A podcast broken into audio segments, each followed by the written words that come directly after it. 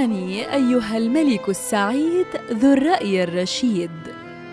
إن الرجل قال للخليفة هارون الرشيد إن والد زوجتي ادعى إنه القاتل. كان يريد أن يحميني من عقوبة الإعدام حتى أكون بجانب أولادي.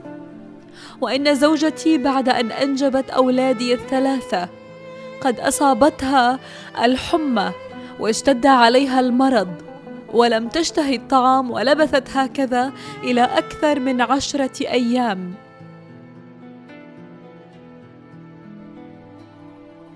ولما استفاقت طلبت مني طلبا. قالت لي إنها تشتهي التفاح. فسررت لأنها بدأت تتعافى وتطلب الطعام. ولكن لم يكن في وقتها في البلاد أي شجر للتفاح. فعلمت أن في قصر أمير بغداد يوجد الكثير من شجر التفاح. فسافرت إلى بغداد واقتربت من قصر الأمير. إلى أن توجهت إلى الحارس وقصصت له قصتي. وقمت واشتريت ثلاث تفاحات بثلاث دنانير ذهبية. وعدت بها إلى زوجتي. ولكنني وجدت الحمى قد عادت إليها وقد امتنعت مرة ثانية عن الطعام. وفي ثاني يوم ذهبت إلى عملي وأنا في السوق. وجدت عبدا أسود يمشي وبيده تفاحة. تعجبت جدا مما رأيت. حيث إنه لا يوجد تفاح في البلاد. فسألت العبد من أين لك بهذه التفاحة؟ فرد علي قائلا إن لي عشيقة سافر زوجها لأنها كانت مريضة واشترى لها ثلاث تفاحات وحبيبتي أعطتني واحدة منهم. جن جنوني أيها الأمير وذهبت إلى زوجتي واسودت الدنيا في وجهي.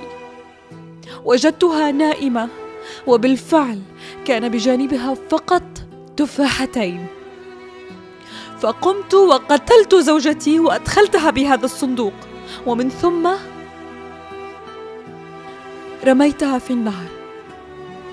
وعندما عدت إلى بيتي وجدت ابني الكبير يبحث عن أمه. قال لي أين أمي يا أبي؟ فاقترب مني وقال لي لقد كانت أمي نائمة وبجانبها ثلاث تفاحات. أخذت واحدة يا أبي وذهبت إلى السوق بهذه التفاحة فوجدني عبدا أسود.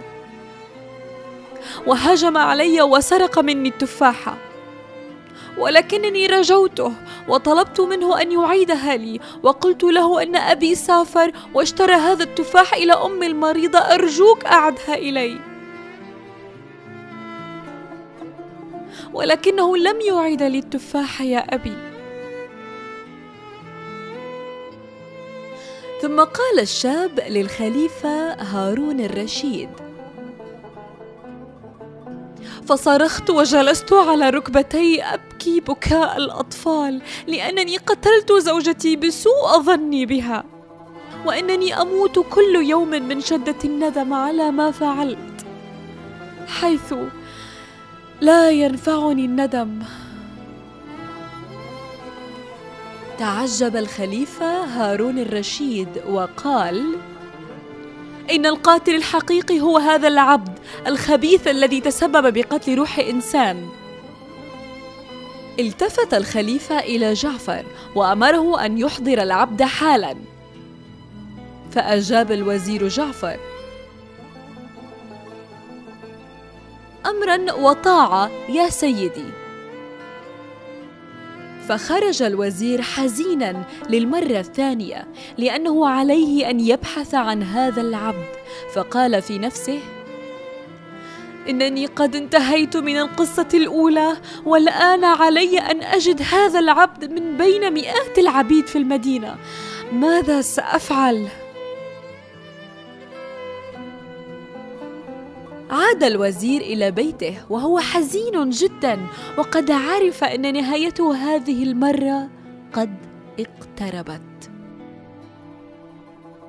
لأن الأمير هارون الرشيد قد أمهله فقط ثلاثة أيام. وأدرك حينها الوزير جعفر إنه لن يجد هذا العبد في هذه المدة القصيرة. فدخل على بيته وقبل أولاده ونظر إلى أولاده نظرة المفارق وأخذ يحضنهم. ثم لاحظ بين يدي ابنه الصغير تفاحة. فقال له من أين لك هذه التفاحة؟ أجاب ابنه الصغير. إنها من عبدنا ريحان يا أبي. أيقن الوزير جعفر إن العبد الذي يبحث عنه هو عبده ريحان الذي هو في عقر داره. فأخذه إلى الخليفة ليلقى جزاءه بما قدمت يداه. واعترف ريحان بما فعل من سوء وخبث. وعندها أعفى الخليفة هارون الرشيد الرجل والعجوز من حكم الإعدام.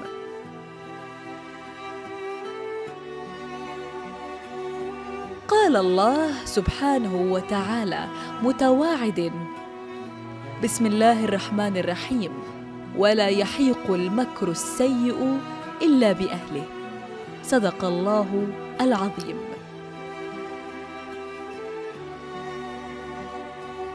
وعندما أدرك شهرزاد الصباح سكتت عن الكلام المباح.